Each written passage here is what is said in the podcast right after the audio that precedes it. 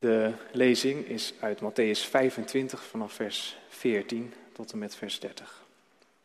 Matthäus 25 vanaf vers 14. Of het zal zijn als met een man die op reis ging, zijn dienaren bij zich riep en het geld dat hij bezat aan hen in beheer gaf. Aan de een gaf hij vijf talent, aan een ander twee en aan nog een ander één, ieder naar wat hij aankon. Toen vertrok hij. Meteen ging de man die vijf talent ontvangen had op weg om er handel mee te drijven. En zo verdiende hij er vijf talent bij. Op dezelfde wijze verdiende de man die er twee had gekregen er twee bij. Degene die één talent ontvangen had, besloot het geld van zijn heer te verstoppen. Hij begroef het.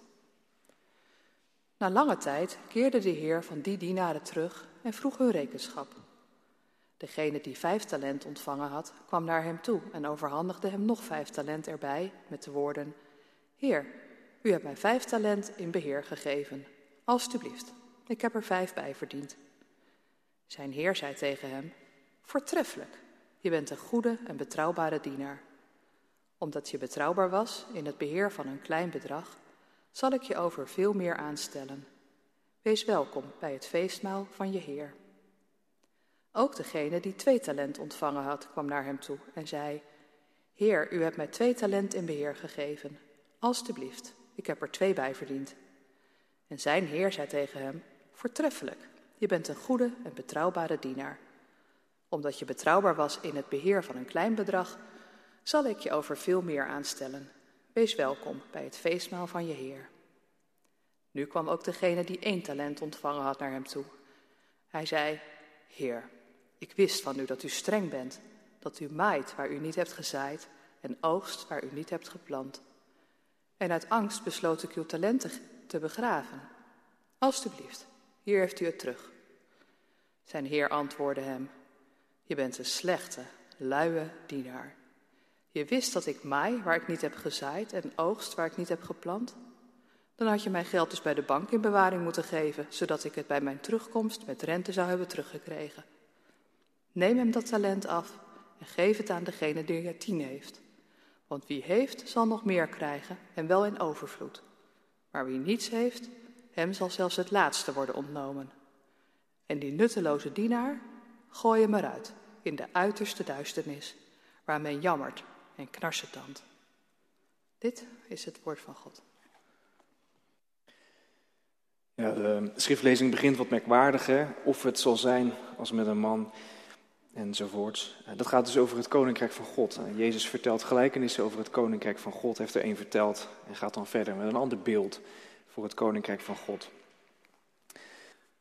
Gemeente van Jezus Christus, broeders en zusters, leef jij met lef?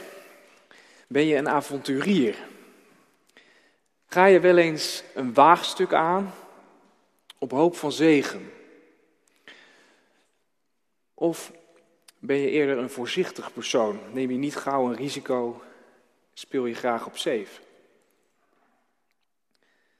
Als het gaat over de dingen van het Koninkrijk van God, dan kun je maar beter een waaghals zijn. Daarover gaat de gelijkenis die Jezus vertelt in Matthäus 25. Een gelijkenis die gaat over alles wat wij mensen hebben gekregen, ons levenskapitaal en de vraag wat wij daarmee doen. Vandaag op biddag staan we natuurlijk ook stil bij alles wat we van God ontvangen en van Hem nodig hebben. En bidden we ook om dat levenskapitaal.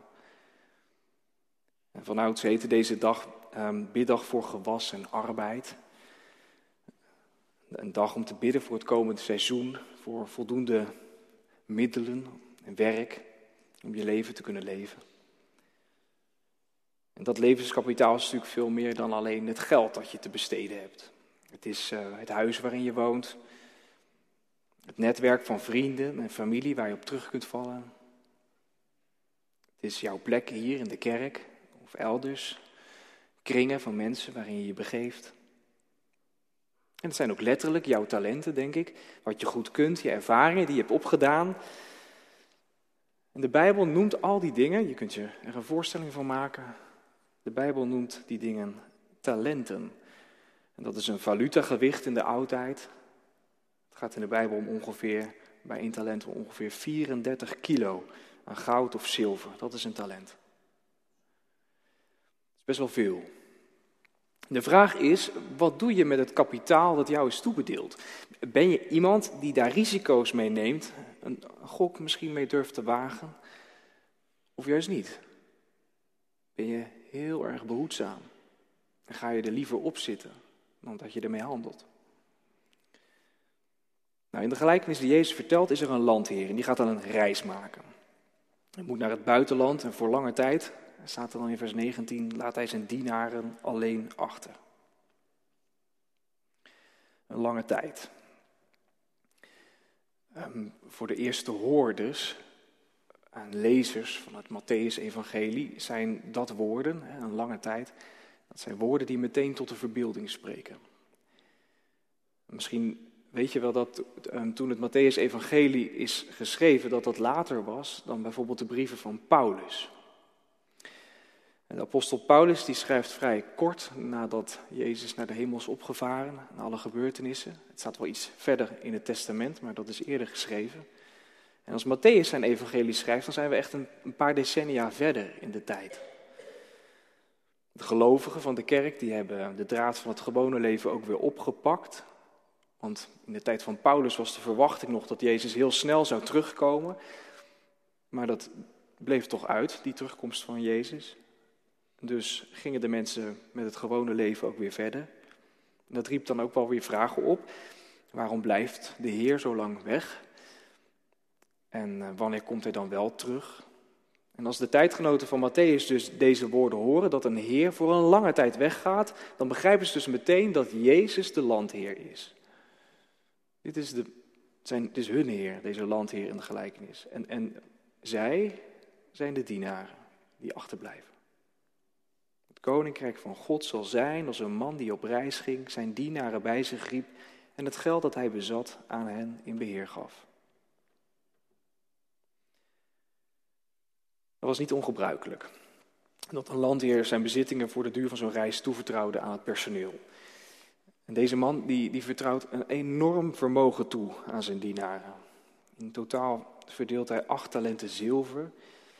Er valt best wel wat op, uh, over te discussiëren, denk ik, over wat het nou, hoeveel het nou precies is dan. Um, er was ergens een rekensommetje in een van de boeken die ik las, dus dat heb ik maar overgenomen. Um, er stond dat het gaat om een bedrag dat vergelijkbaar is met 48.000 denari. Nou ja, dat denari is dan een daginkomen. En als je dan zo'n beetje gaat rekenen, dan zou je wellicht kunnen zeggen dat het gaat om ongeveer 8 miljoen euro, zoiets. Nou, het gaat in ieder geval over heel veel geld. En die talenten worden verschillend uitgedeeld. Van de drie dienaren ontvangt er één vijf talenten, de tweede ontvangt er twee en de derde ontvangt er één. Ieder naar hoeveel hij aan kan. En zo is het denk ik ook in onze wereld. Um, sommige mensen hebben heel veel talenten, hebben veel gaven ontvangen in de vorm van een goede gezondheid, een goede opleiding, een bemiddelde en veilige familie om op te groeien. Ga zo maar door. En anderen staan alleen in de wereld. Moeten van ver komen, worstelen met grote verlieservaringen uit het verleden. Geen veilige hechting thuis bij hun ouders gehad in de opvoeding. En dat zijn mensen die soms iets minder hebben uit te delen. Iets minder hebben om mee te handelen. Misschien denk je aan je Poolse buurman die om zes uur ochtends wordt opgehaald om met een vol busje richting het Westland te gaan. Of de fietscourier van thuis bezorgd, die al helemaal geen student meer is, maar toch nog steeds dat werk moet doen.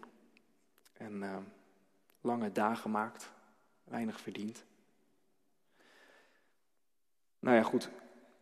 Je kunt aan allerlei mensen denken die niet zo veel hebben om uit te delen, niet zo bemiddeld zijn.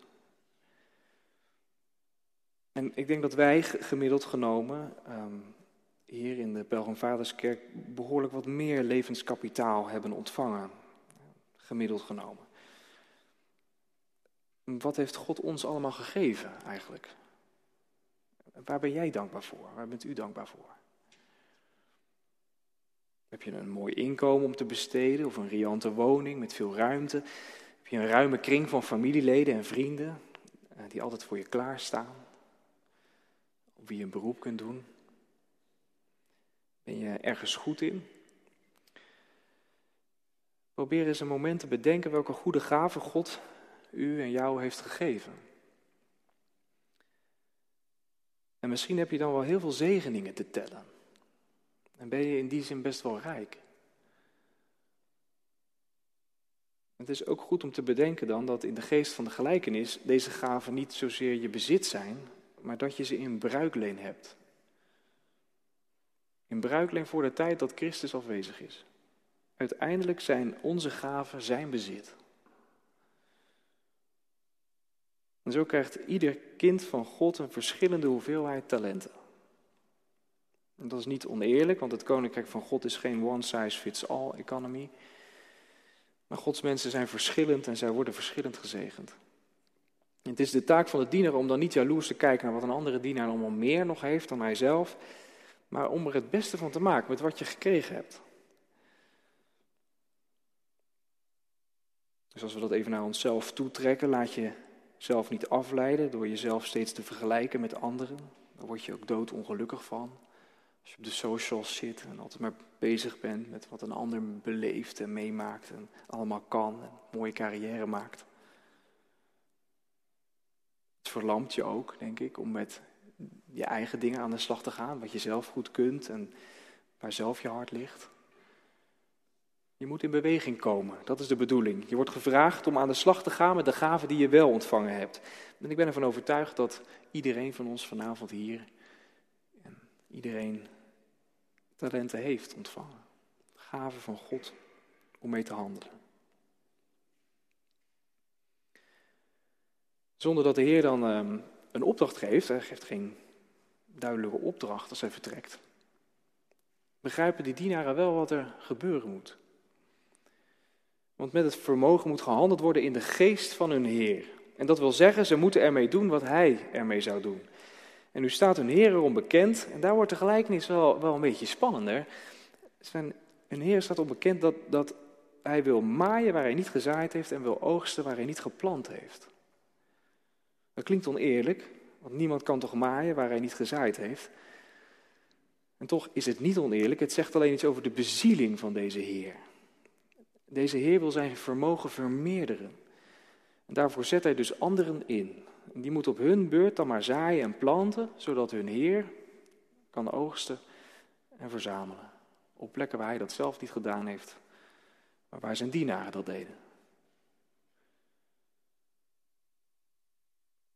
Deze gelijkenis is, is wel gebruikt, begreep ik, eh, om het kapitalisme te rechtvaardigen. Soms ook om mensen uit te knijpen. Nou, misschien juist ook wel in de reformatorische hoek, waarin we soms uh, snoeihard en e-, economisch kunnen denken. Maar um, daar gaat de gelijkenis niet over, omdat de gelijkenis gaat over de economie van het koninkrijk.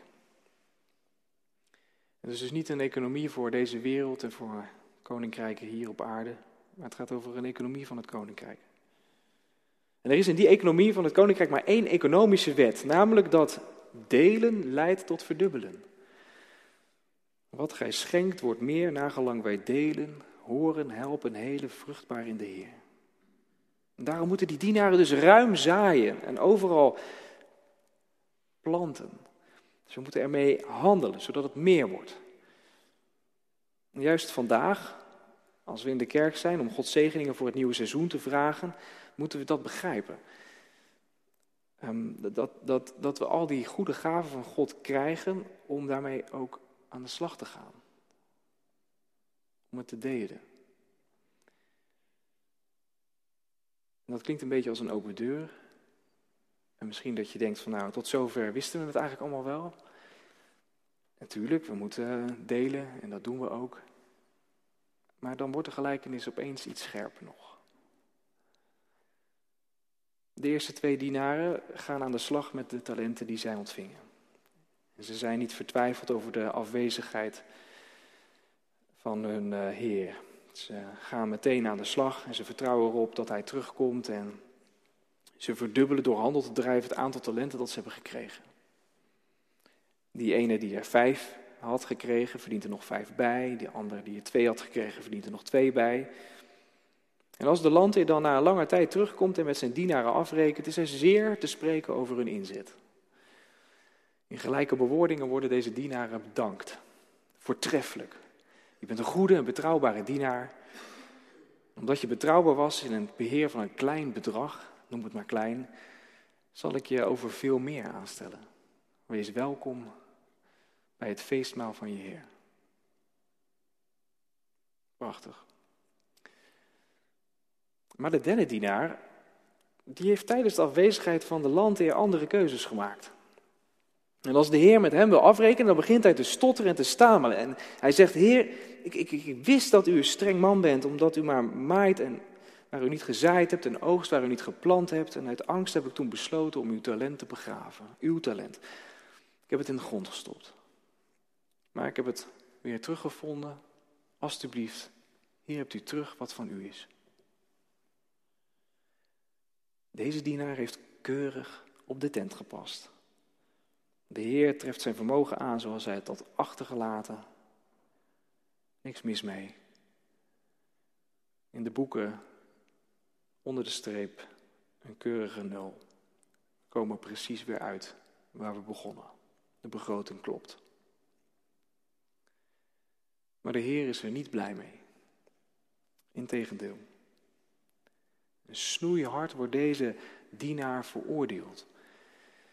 Hij mag niet ingaan in de vreugde van zijn Heer.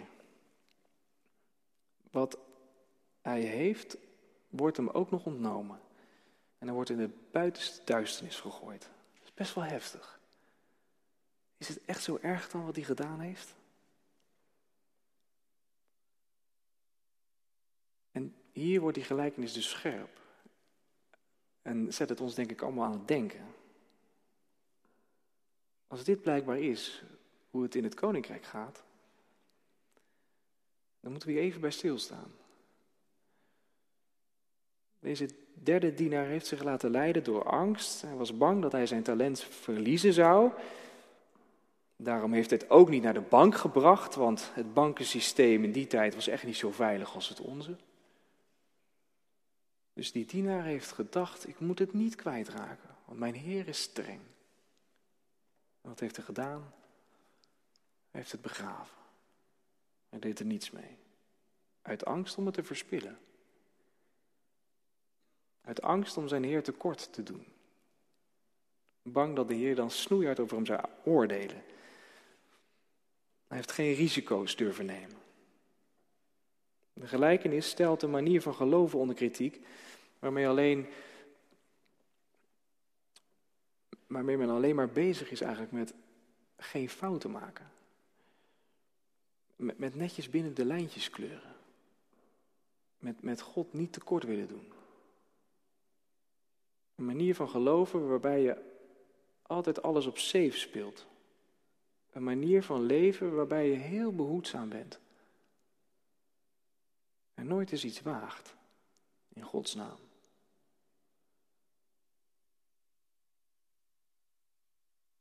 En men stopt het vermogen wat Christus heeft gegeven in de grond. En men doet er niks mee. Nu zijn er veel manieren, denk ik, waarop we die derde dienaar kunnen nadoen. omdat we bang zijn om, om iets van dat goede wat Christus gegeven heeft te verliezen. Altijd maar bezig zijn met onze eigen schaapjes op het droog houden. Hoe ziet dat eruit? En hoe moet het anders dan? Nou wil ik je vragen om eens na te denken over al die goede dingen die God je gegeven heeft. En je te realiseren dat al die dingen niet van jou zijn, maar eigenlijk in bruiklijn zijn van je Heer. Durf eens met die dingen iets te wagen. Durf eens iets te doen waarvan je de uitkomst niet weet en wees niet bang dat je het kwijt zult raken. Maar probeer het te verdubbelen door het te delen. Neem eens een radicaal besluit op je werk als eerste. En, maak iets bespreekbaar. Probeer een nieuwe toon te zetten. Deel je huis met iemand.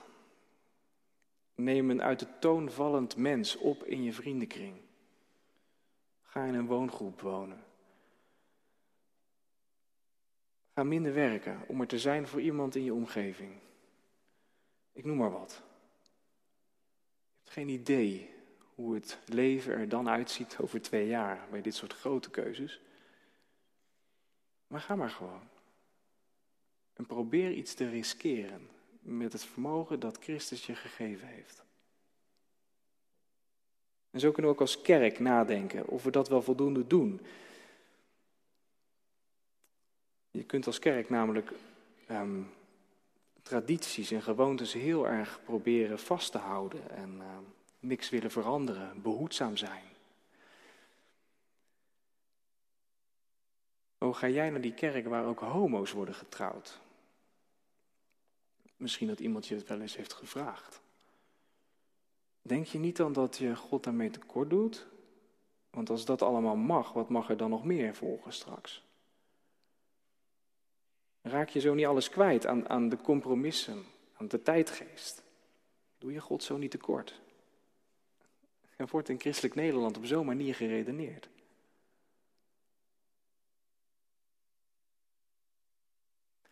En dat is de angst voor de glijdende schaal, voor het grijze vlak. Dat is dus niet een inhoudelijk argument, want je kunt best uh, verschillend over deze dingen denken soms. Ook binnen een gemeente kan dat. Maar even dat argument van de glijdende schaal. Dat argument. Dat is een talent in de grond stoppen. Niks durven wagen. Omdat je bang bent dat je het afglijdt. Dat je het kwijtraakt. Als je dat ooit nog hoort in een gesprek in de kerk, bedenk dan, dat is talenten in de grond stoppen. Dat is geen inhoudelijk argument, nooit. En aan de andere kant, die, die eerste en die tweede dienaar gaat, die gaan ook niet roekeloos om natuurlijk, met de talenten die ze hebben ontvangen. Ze gooien niet het geld dat ze hebben over de balk. Ze verkwanselen het ook niet. Ze zijn ook wel zuinig, vermoed ik, op al die goede gaven die Christus hen gegeven heeft. Ze moeten ook zuinig zijn op de gemeente. Als je hier wat, wat meer meeleeft, doe je er goed aan om de geschiedenis van de kerk een beetje te leren kennen. Wat voor soort gemeente is dit? Met wat voor soort gewoontes en wat voor mensen komen hier? Je moet het koesteren. Nou ja, het klinkt misschien een beetje dramatisch, maar heb in godsnaam af en toe wat lef. En durf iets te wagen. Wees niet bang om zegeningen te verliezen, maar neem er risico's mee. Want als je dat niet doet, zou de Heer van de gelijkenis wel eens met je willen afrekenen. En dat is niet de bedoeling, toch? De 16e eeuwse reformator Maarten Luther had een bevriende collega, Melanchthon heette die. En die Melanchthon die was nogal iemand met een zwaar gemoed, stond hij onbekend. En in een brief schrijft Luther daarom aan hem de volgende woorden. Wees een zondaar, een zondig dapper. Maar geloof des te dapperder en verheug je in Christus. Luther, hè, dit. Zondig dapper, zegt hij. Klinkt als een provocerende oproep, maar Luther bedoelt, als je in Christus gelooft en je in Hem verheugt, dan is er ook ruimte om een beetje moed te vinden. En om soms iets te doen waarvan je niet weet hoe het afloopt. Om wellicht zelfs een zonde te riskeren. Maar beter dat dan dat je al je talenten in de grond hebt gestopt.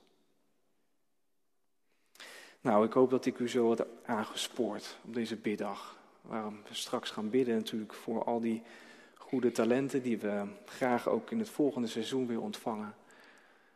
Bedenk dan ook dit. Leef met lef en waag in Gods naam iets met wat je gegeven is. Amen.